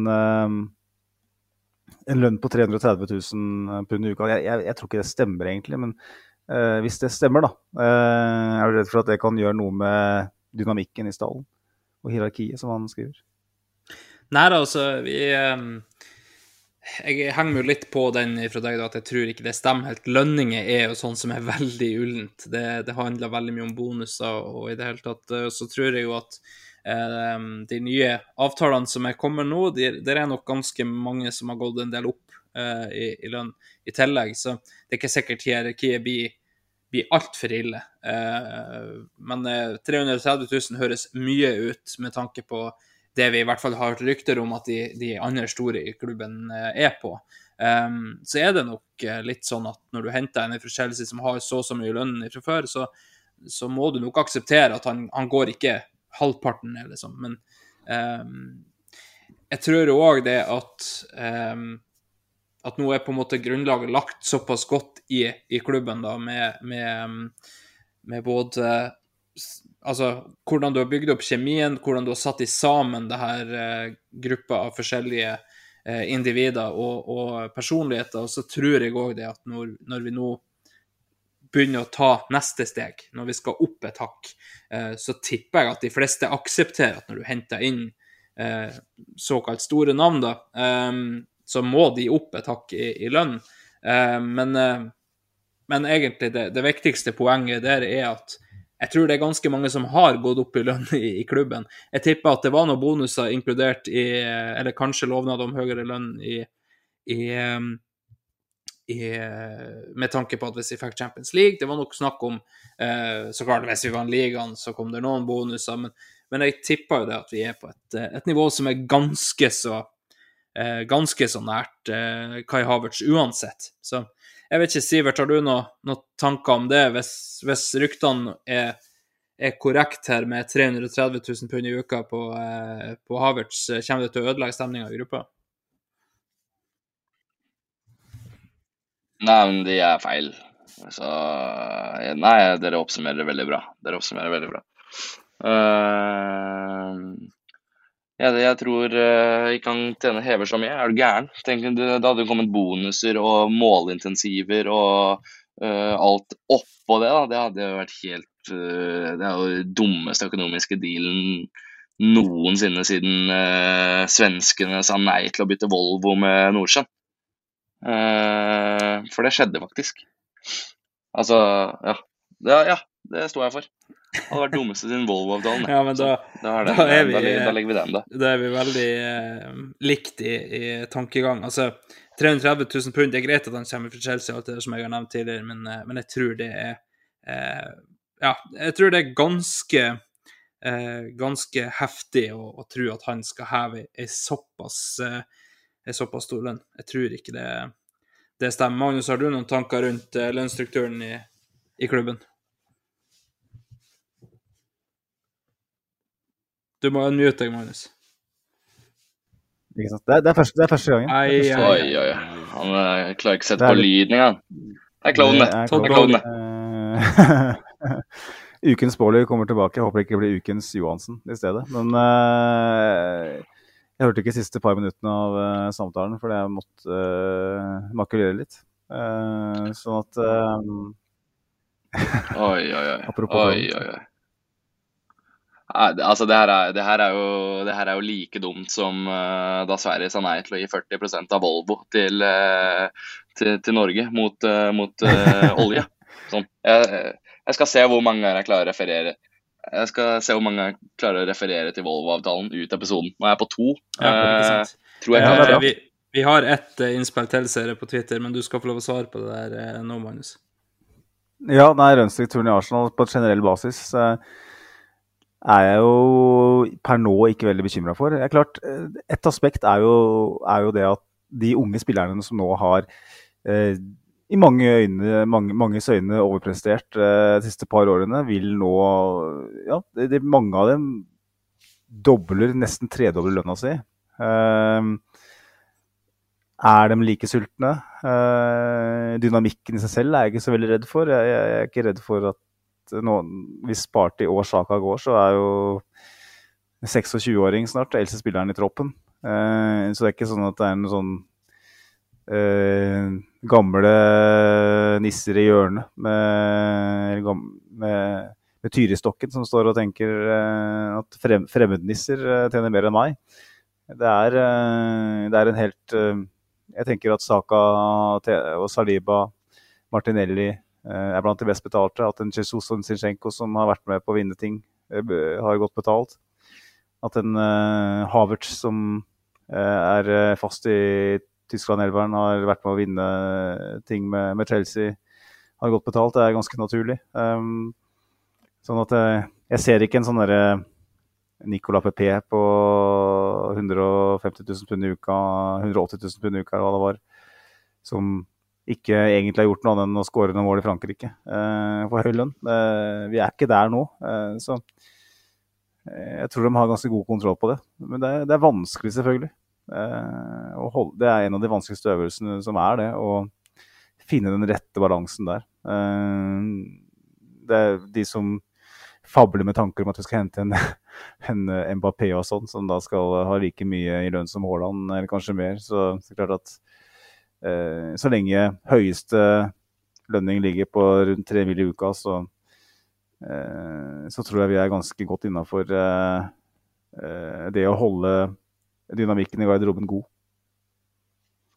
Ja, ikke sant. Nå, nå sa jeg det at eh, vi hadde et eh, Twitter-innspill til, eh, og det byr egentlig inn på såpass lang diskusjon at jeg tenker at vi skal korte ned.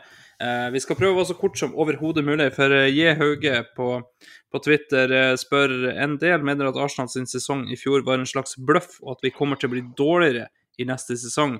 Hva mener dere tilsier at vi skal gjøre det minst like bra som forrige sesong? Jeg tenker ungt lag, en sesong med rutine som topplag og gode signeringer er stikkord. Eh, skal vi prøve å holde oss rimelig kort her, da? Magnus, du kan få lov å begynne. Vanskelig å holde seg kort der, men jeg skal gjøre det. Det er, eh, som han er inne på i, i kommentaren sin, egentlig, det. Eh, en eh, ung gjeng. eh, en gjeng med som dynamisk sett passer veldig godt sammen, eh, og som har eh, oppnådd ting sammen eh, i form av å ta store steg. Det er ikke noe er ikke noe grunn til at, at, at feelingen innad i troppen skal være noe svak. De skal, de skal ikke tvile på seg selv. Når de opplever at, at klubben de spiller for, faktisk går og styrker stallen voldsomt mye. Får bekrefta at, eh, at det satses rundt dem. Eh, Så det eneste som, som kan være problemet, problem, er jo det klassiske eh, begrepet momentum. Altså at man kontra i fjor, hvis man skulle få en litt dårlig start, eh, at det stilles et spørsmål, så, så, kan ting spore litt av. Men sånn på sikt så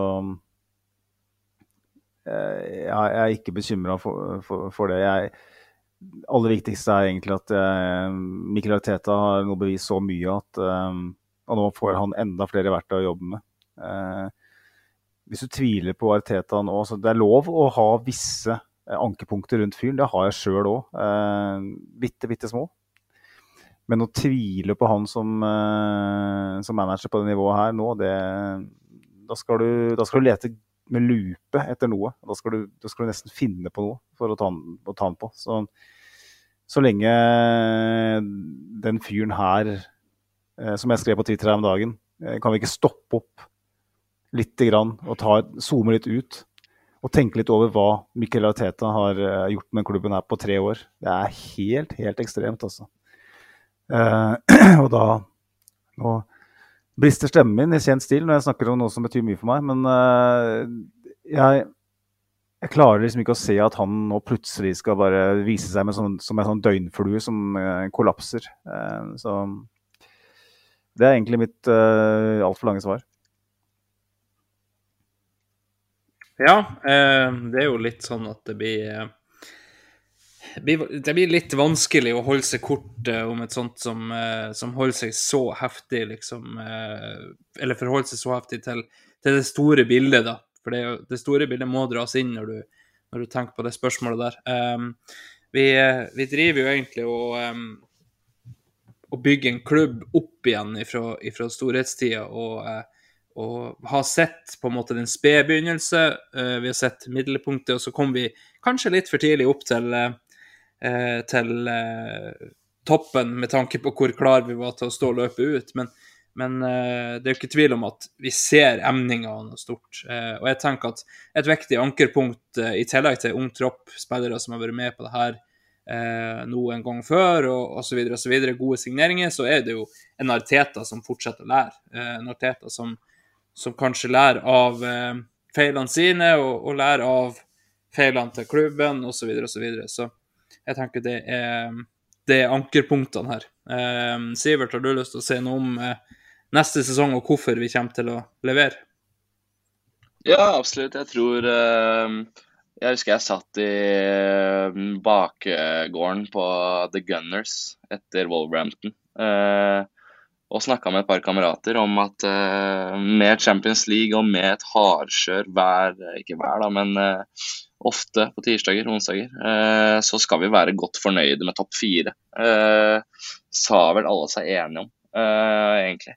Men, men det var på en tid hvor alle var litt mutt, og, og, lufta hadde gått litt ut av ballongen fordi at ligaen røyk. Nå er vi jo Altså, nå er vi jo en helt annen eh, tid. Altså, selv om det bare er en eh, halvannen måned siden, eller hva det er for noe. eh, ikke det engang. Så er det det, er ikke det Det de øynene jeg ser på Arsenal lenger. Det er som Magnus sa i stad. Inngangen vår på det vinduet her har endra måten jeg ser på Arsenal. Nå ser jeg på Arsenal som en gigant som, uh, som skal ta siste steget. Jeg sier ikke at jeg tror vi vinner Premier League, men jeg tror vi er nærmere å vinne enn eh, femteplass. Eh, det tror jeg. Og eh, ja, det, det var ikke noe purple patch denne sesongen her. Altså, mål det på hvilket jævla parameter du vil, så var vi satans gode. Vi hadde vel før VM der, så, så vi, jeg nekter å tro at vi, vi har sett et bedre Arsenal-lag i Premier League. Glem Invincibles. Vi plukka mye mer på de. Eh, mye blir da et relativt begrep, da, for de plukka også noe jævlig. Men poenget er at eh, altså det, det her blir kjempespennende. Og ja, jeg skal eh, ta min fair share eh, Fair share med, med, med lykke-Guinness før kamp eh, på, på tabelltopp i 23-24-sesongen også. Utvilsomt. Får jeg legge til én ting, så føler jeg at en av de store spørsmålstegnene vi eh, stilte rundt Ariteta etter forrige sesong, og med rette, um, var nettopp det med taktisk evolusjon gjennom sesongen. Eh, du finner opp kruttet eh, gjennom en lang sommer eh, og lykkes veldig godt med inngangen. Det ser du litt til dels i, i matchspiller òg, spesielt første halve sesongen. Så treff, når du treffer fra start, så, så, trenger du på en måte ikke gjøre så mye mer. Eh, hva skjer når uh, vinden er litt ute av seilene? Når det blir litt funnet ut av?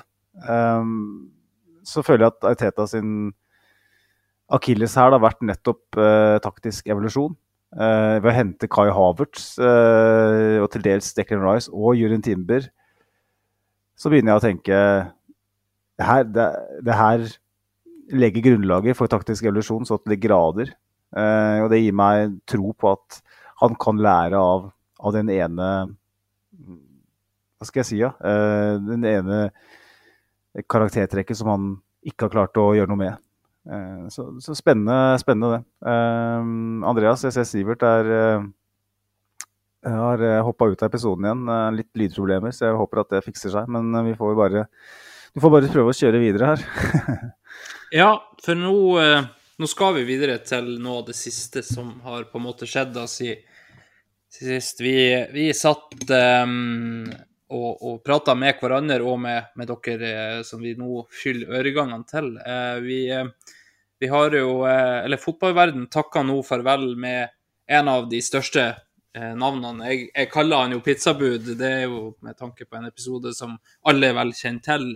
men men Cesc Fabregas har nå lagt opp, 36 år gammel. Um, et av de største navnene med tanke på talenter som har slått igjennom. Han er vel stort sett uh, unntaket som bekrefter regelen om at 16-åringer kan gjøre det i Premier League og, og, og så videre. Han, uh, han, har gjort det i, i flere klubber, vunnet omtrent det som kan vinnes, vel, og, og uh, har, har, hatt en, en sinnssyk karriere, sjøl om den kanskje ble lite grann punktert, den bobla vi hadde rundt han med tanke på hvor han gikk hen når han kom tilbake til England. Men eh, noen, eh, noen, fine ord om, om Fabregas allikevel er jo på sin plass. Eh, det kan hende vi, vi tar eh, en, en forhenværende X-spillerspalte og legger ut eh, på sosiale medier, sånn at folk får, får, den med seg. For eh, det var en av de absolutt bedre du hadde, Magnus.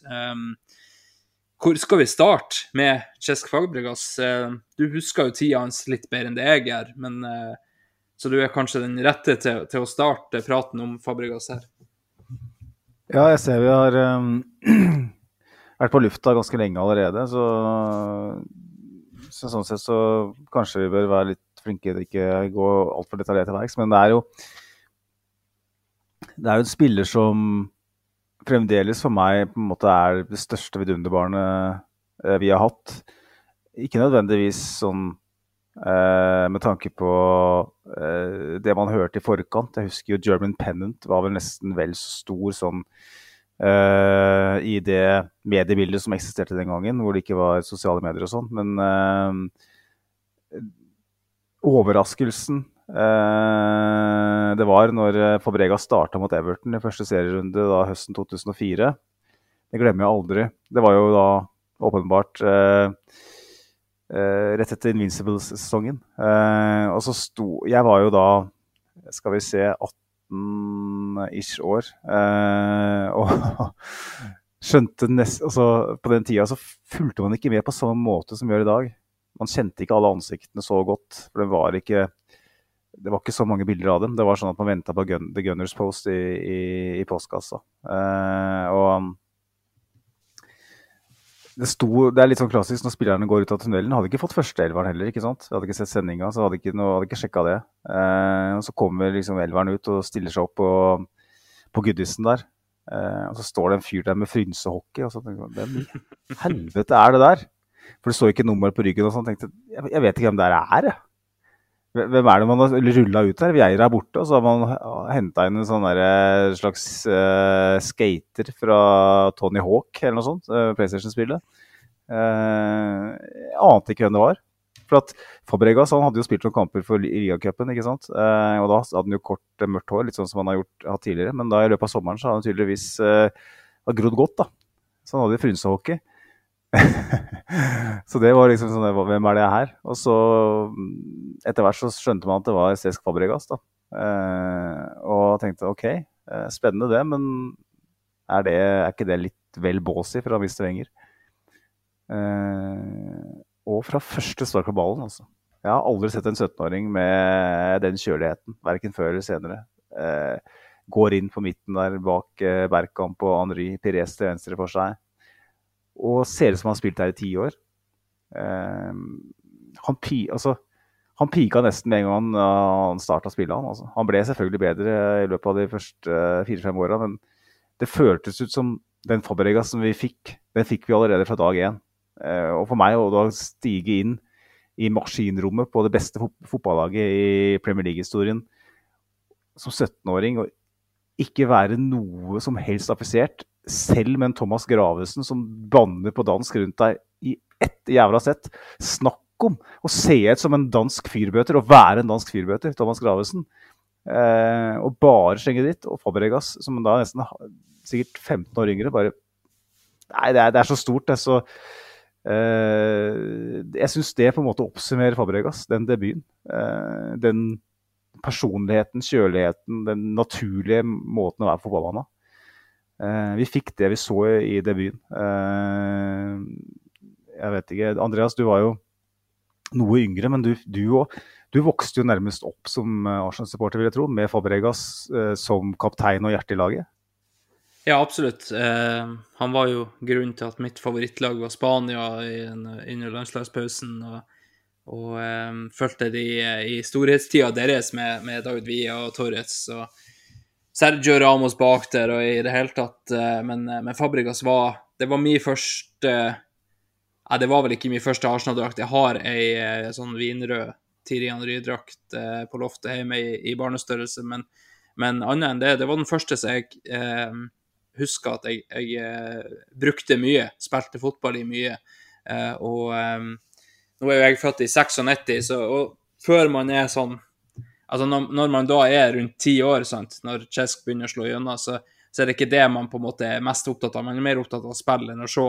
Eh, og, og, etter hvert så, så, lærte jeg meg å bli glad i spilleren eh, Fabregas. Eh, husker jo, eh, husker jo de tidlige Fifa-spillene jeg hadde med, med, han. og Det var liksom, det var rett inn, og, og han inn på laget, og kaptein og hele pakka. og, eh, og de nå var det lite fotball i huset hos oss eh, på TV, så, så, det var lite jeg fikk med meg. Men det jeg fikk med meg, så, så var han jo majestetisk utpå der. Og, og, når man har sett klippene etterpå med eh, altså målene hans omtrent rett ifra avspark, ikke sant, altså, eh, hadde jo noen sinnssyke øyeblikk framfor eh, framfor Arsenal-fansen. Og det er jo som du sier, at, eh, at, han var jo hjertet i laget, og han var på en måte den han var fra starten av. Um, der klippet når han innrømmer at han kasta den her pizzaen på, på uh, Ferguson, sant? når han sitter og spenningsmusikken kommer på, og bare Was it you? Så kommer spenningsmusikken som er Yes! Mm. Altså, det er jo Det er klasse, ikke sant? Um, så var det jo sånn at det var litt avtalt at han skulle tilbake til Barcelona. Um, for da etter hvert ønska seg tilbake til England. Wenger sa at sorry, vi har, vi har gått videre fra deg. Vi har gått videre fra kjøp eh, aldrende spillere. Um, Passa ikke i laget. Gikk til Chelsea. Vet at det ødela han for ganske mange. Eh, og så ender vel karrieren sin i Monaco, vel? Ikke det, stemmer ikke det? Eh, Nei, han gikk jo til, han gikk til Como eh, i Italia, Serie B. Eh, la opp der nå han skal bli trener der, vel. Ja, stemmer.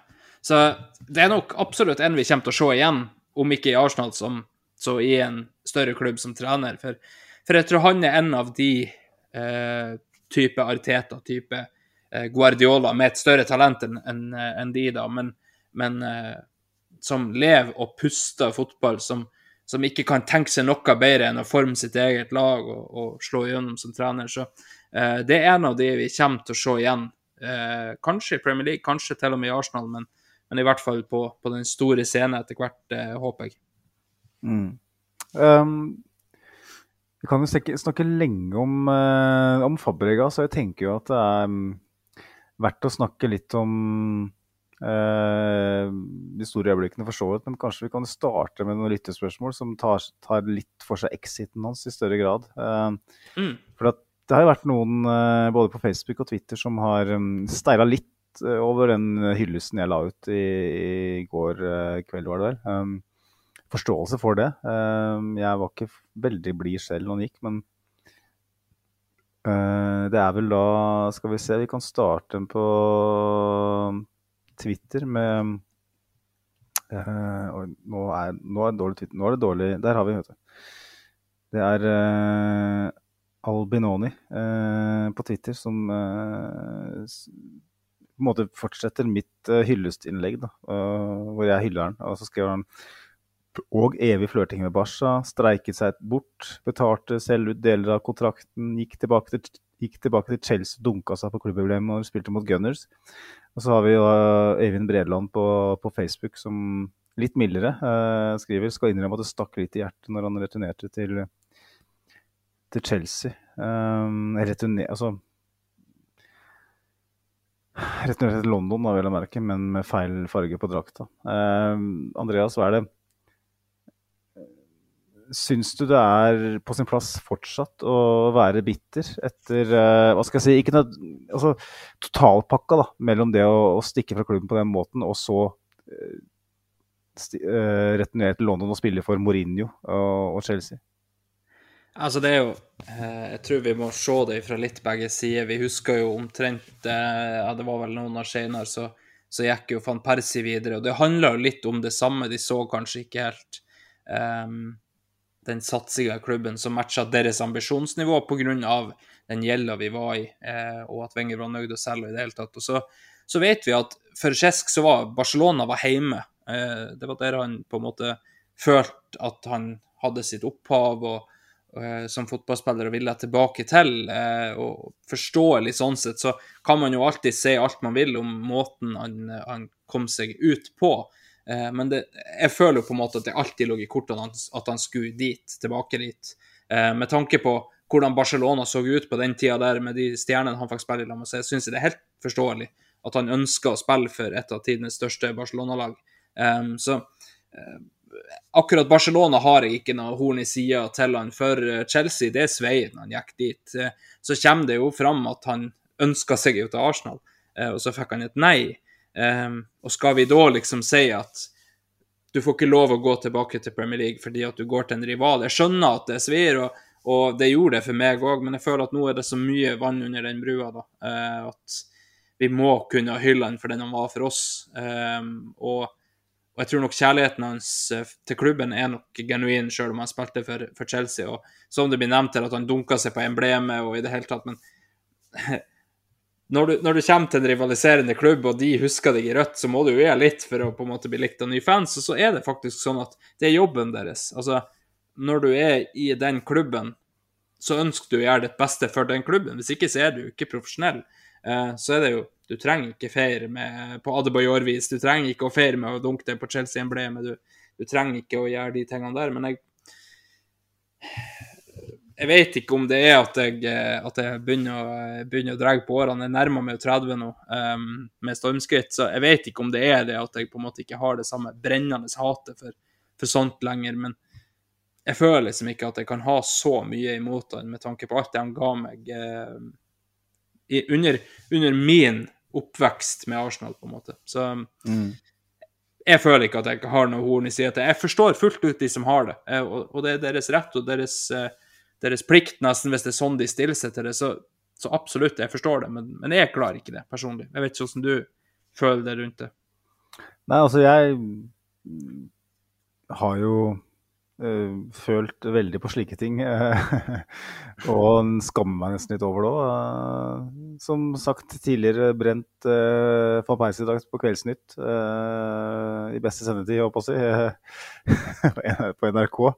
Så jeg, har blitt eldre etter det og ville nok ikke gjort det samme igjen. Men eh, det var noe med Fabregas-sagaen som var annerledes. Eh, veldig annerledes enn en von Persie eller en Ashley Cole eller eh, en Samuel Nasri. Um, Jeg er jo litt uenig med deg. Jeg tror jo ikke at Fabregas nødvendigvis ville reise til Barcelona eh, hvis Arsenal hadde matcha hans ambisjoner. Eh, det sier litt om hvor sterk eh, den tilknytningen Fabregas hadde til Arsenal var. For han var altså da eh, Barcelona-gutt med familien sin boende i Spania, som han eh, savna, som, han, som alle ville gjort, selvfølgelig. Eh, han eh, hadde spilt sammen med Messi på aldersbestemte lag der. Messi som da var i ferd med å bli verdens beste spiller. Tidenes beste spiller. Eh, Kompisene hans eh, spilte i Barca, mange av dem. Eh, det var verdens beste fotballag på det tidspunktet. Uten tvil kanskje det beste fotballaget vi har sett. Eh, og bare for å gjøre det enda sykere, så var det største idolet hans, Pep Guardiola, trener. Han fikk tilbud om skjorta til Guardiola for å spille for Barcelona. Og han hadde altså et, et uh, entourage uh, fra Barcelona som jobba 24 timer i døgnet. Jeg tipper det var et, et, et, AS med flere ansatte som bare gjorde alt jeg kunne for å overbevise eh, Fabregas om at han måtte hjem. Likevel så var Fabregas ganske lenge usikker på om det var rette valget. Han signerte en åtteårskontrakt med Arsenal eh, fordi han følte at det var hans plass. Det var der han kunne eh, virkelig bli stor. For han så, som alle andre, at i Barcelona var det Busquets, det var Iniesta, det var Xavi. Det var ikke en åpenbar plass til han i hjertet i midtbanen. Når han gikk til Barcelona, så spilte han nesten som en falsk nier. ikke sant? Det er en grunn til at han ikke lyktes i hermetegn i Barcelona. Det var en, fra et sportlig, sportslig perspektiv helt feil for han å gå til Barcelona, men at han gikk dit eh, under rådende forhold, det kan ingen klandre ham for. Måten det skjedde på, ja, det kan mange klandre ham for. Vi kan snakke lenge om måten han eh, streika seg dit, og at han mm. ikke møtte opp på Craving Cottage på den siste, nei, siste, siste Premier League-runden i 2011. Um, han var på Formel 1, var han ikke det? Det, det, det, det, er, det, er, skittent, men samtidig uh, Arsenal gjorde veldig lite på, det, uh, på den tida for å overbevise han som kanskje den største talentet i sin rolle i Europa da han skulle bli i Arsenal. Eh, sommeren Var det sommeren før, eller var det enda et år tilbake i tid, hvor eh, både eh, Gilberto, eh, Lasana Diarra, eh, Flamini, Klebb eh, Hele midtbanen bare forsvant. Thomas Rosicki, åpenbart langtidsskada, som han alltid var. Og Arsenal flørta med Shabby Alonso i Liverpool. Mm. Dette har han jo sagt selv i intervju med Arsblog bl.a. Eh, hvor, hvor han eh, utveksler tekstmeldinger med, med Shabby Alonso. Eh, får gode signaler om at eh, klubbene er villige til å møtes på halvveien, og at ting kommer til å skje. Og så står det på knapper og glansbilder, for å si det litt brutalt. Kanskje var Arsenal i en så trengt økonomisk situasjon de kunne ikke gå den hele veien. Eh, men det ble ikke noe deal. Og Fabregas måtte spille med Song og De Nilsson på midten den høsten, etter at, nest, etter at man nesten hadde ligagull året før. Man gjorde ingenting for å sementere sin posisjon som en utfordrer til Manchester United. Man gjorde ingenting for å ta det neste steget. Kanskje fordi man var i øko en økonomisk situasjon som gjorde at man ikke kunne gjøre det. Men Fabregas da, som allerede hadde gitt så mange gode år til Arsenal, og da dra hjem. Du kan tenke deg sjøl, hvis Lurøy FK hadde vært det beste laget i verden, og du hadde spilt for uh, Altså, de, de, er det beste laget i verden. Ja, spilt for uh, Vålerenga eller Rosenborg eller hva det måtte være, og så sagt at nei, og de satser ikke på samme nivå, så kan du reise hjem til skjærgården, spille med kompisene dine, uh, vinne Champions League, vinne La Liga, som var i det tidspunktet. Uh, du kan ikke klandre for det. Det kan du ikke gjøre. For at Arsenal på det tidspunktet gjorde mye rart. Og hadde heller ikke Det var nesten nedbemanning. Ja, de solgte de beste spillerne sine år etter år. Hvorfor skulle Cess Fabregas bli Arsenal på det tidspunktet? Eh, enn, an, eneste jeg kan ta ham for da, var at han var litt for varm i omtalen sin om Arsenal i media. litt sånn, Det er det eneste plassen jeg vil være, og jeg elsker klubben. og bla, bla, bla, Fair enough, men eh, det ble litt falskt noe av det. Men utover det så klarer jeg ikke å ta ham for det. Det at Nickel Chelsea, som du sier eh, han måtte tilbake til London, var iallfall hans utgangspunkt. Fordi at eh, eh, samboeren hans og hennes sønn bodde vel da i London og ville mm. ikke mm. flytte. Um, så er det klart at en fotballspiller som tjener så mye penger i uka, kunne kanskje diktere det i større grad, men eh, Og jeg klandrer han ikke så mye for å gå til Chelsea, men jeg syns det var litt trist at han gikk eh, til Jose Mourinho, som Mm. var på det tidspunktet eh, i en evig eh, offentlig krig med Arsenal Wenger. Eh, som han omtaler som en farsfigur. Det er som å gå til den korrupte onkelen din og spille, liksom. Jeg synes det, ble- det, ble, det var trist, men å gå og hate Fabregas for det, det klarer jeg ikke. Eh, han kommer aldri til å bli den legenden som han kunne blitt, men eh, eh, jeg syns han var en strålende spiller, en strålende representant når han var i Arsenal. Og eh, fra å være så ung og komme til England og, og så tidlig på en måte, på en måte forstå det, ta det, hva det betydde å spille for Arsenal. Eh, han, han spilte vel ikke med Tony Adams, men jeg er sikker på at han hadde kommet godt overens med ham. Og han, måten han hysja på Tony Pulis eh, etter at eh, i den kampen mot Stoke når Ramsey knakk beinet. Måten han gikk på banen mot Hull etter den FA Cup-kvartfinalen med skinnjakke etter å ha spytta på Phil Brown i spillertunnelen. Eh, jeg syns Fabregas han hadde noe sånn veldig arsenalsk ved seg. da. Ikke at jeg spytter spytte på folk arsenalsk, men det å på en måte Han forsto hva han representerte, så til de grader. Han, han var Arsenal. Eh, ikke, ikke alene, men han, han forsto hva det vil si å være Arsenal. Og hadde Arsenal matcha hans ambisjoner i 2008-2009, rundt de tider, så er jeg ikke så sikker på at han hadde gått. Eh, og Derfor så kommer jeg alltid til å ha en viss eh, forståelse for valget hans. Mm. Ja, altså det, det er jo absolutt eh, som du sier, og, og som du sier er på en måte det sviket som enkelte beskriver, det er jo ikke i nærheten av eh, en Nasri til City, som du sier, en, en Van Persie til United. Det er det som sveier mest. Eh, jeg syns jo Alexis òg til United var ganske, ganske smertefullt, men, men å gå sånn som Van Persie, da, å gå til United bare for å vinne trofeet året etterpå Eh, og i det hele tatt altså, Han òg har jo beskrevet det som smertefullt å gå ut på Emirates etterpå og få den der Guard of og i det hele tatt, men, men det handla jo om at Arsenal på den tida der ikke evna eller ikke ville å matche ambisjonsnivået til de største stjernene sine.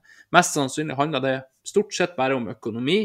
Eh, vi vet at Wenger har snakka om det, at, at det var ikke lett. Du, du var nødt til å selge de største stjernene dine. fordi at eh, før du kunne gjøre noe som helst, så var du nødt å få inn penger. og og egentlig så var du nødt til å få inn penger før du i det hele tatt kunne tenke på å, å hente noen, fordi at det var annen gjeld som skulle betales ned. Så um, det var nok ikke enkelt, og, og, på det grunnlaget så klarer ikke jeg heller å, og være forbanna på, på Fabregas um, i det hele tatt. Så han, um, som du sier, han embodied er et veldig fint ord på engelsk. Han, han, han var Arsenal through and through. altså det, han Eh, bare det å kaste et pizzastykke på Ferguson er jo, er jo legendestatus verdig. Altså, det der å skjønne så godt hva det er det betyr, den drakta du tar på deg.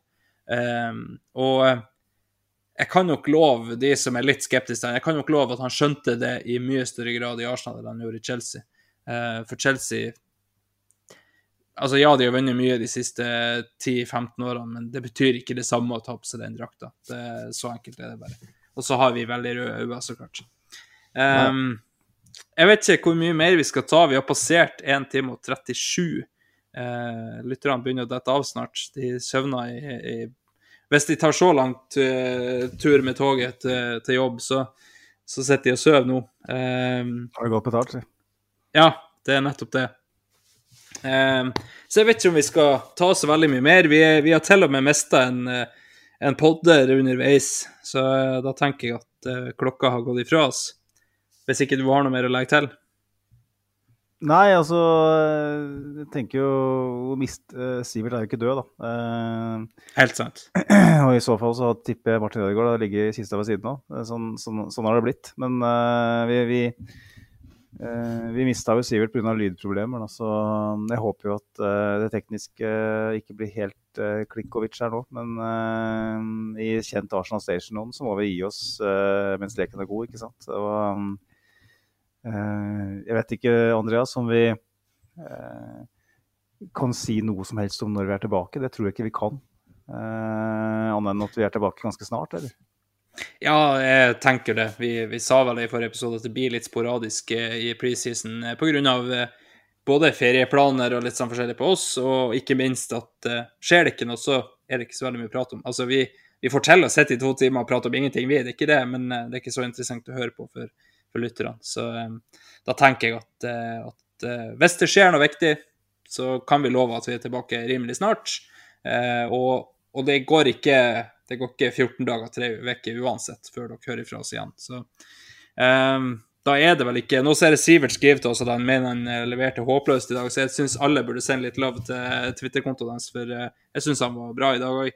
Um, det var, vel, det var vel mer det tekniske, tenker jeg. Han, ja, da, det, det, det, håper jeg. Det var mer det tekniske. Innholdsmessig var han like bra som, han, som vi har lært å forvente oss av han. Så så jeg tenker det er bra. For meg så ble det her den vanskelige andre kampen som, som de prata så mye om. Um, eller andre sesongen, eller hva du skal si. Uh, så um, det håper at det, det, var i hvert fall sånn høvelig greit gjennomført. Um, da er det vel ikke så veldig mye mer å si enn uh, ifra meg så er det som alltid vi hørs, og Magnus ifra deg så skal vi ha et uh... Ha det, ha det. Hei.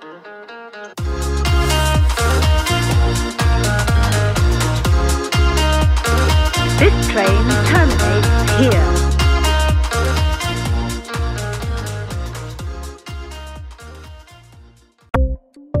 Ukens annonsør er HelloFresh. HelloFresh er verdens ledende matkasseleverandør og kan være redningen i en travel hverdag. Mange av oss har nok vandret i butikken både sultne og uten en plan for middagen, som ender med at vi går for de samme kjedelige rettene gang på gang. Middag burde være dagens høydepunkt. Som Hello Fresh kan du nå velge mellom 25 ulike retter hver eneste uke, eller få Hello Fresh til å sette sammen menyen for deg. Dette gir deg muligheten til å prøve nye og spennende retter alene eller sammen med familien. Du velger antall porsjoner og får alt levert på døren på et tidspunkt som passer for deg. Oppskriftene er enkle, og maten er lett å lage både for store og for små. Ved å få alt levert hjem får du også mer tid til å dele matgleden med familie og venner. Kanskje det frister med asiatiske tacos eller greskinspirert kylling? Da kan jeg anbefale deg om å gå inn på hellofresh.no. Her kan du bruke koden FOTBALL og få opptil 1779 kroner i rabatt på de første fem matkastene hvis du ikke har prøvd HelloFresh tidligere.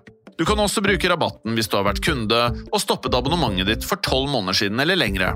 Gå inn på hellofresh.no og bruk koden FOTBALL.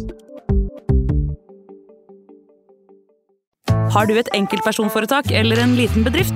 Da er du sikkert lei av å høre meg snakke om hvor enkelt det er med kvitteringer og bilag i fiken, så vi eh, gir oss her, vi.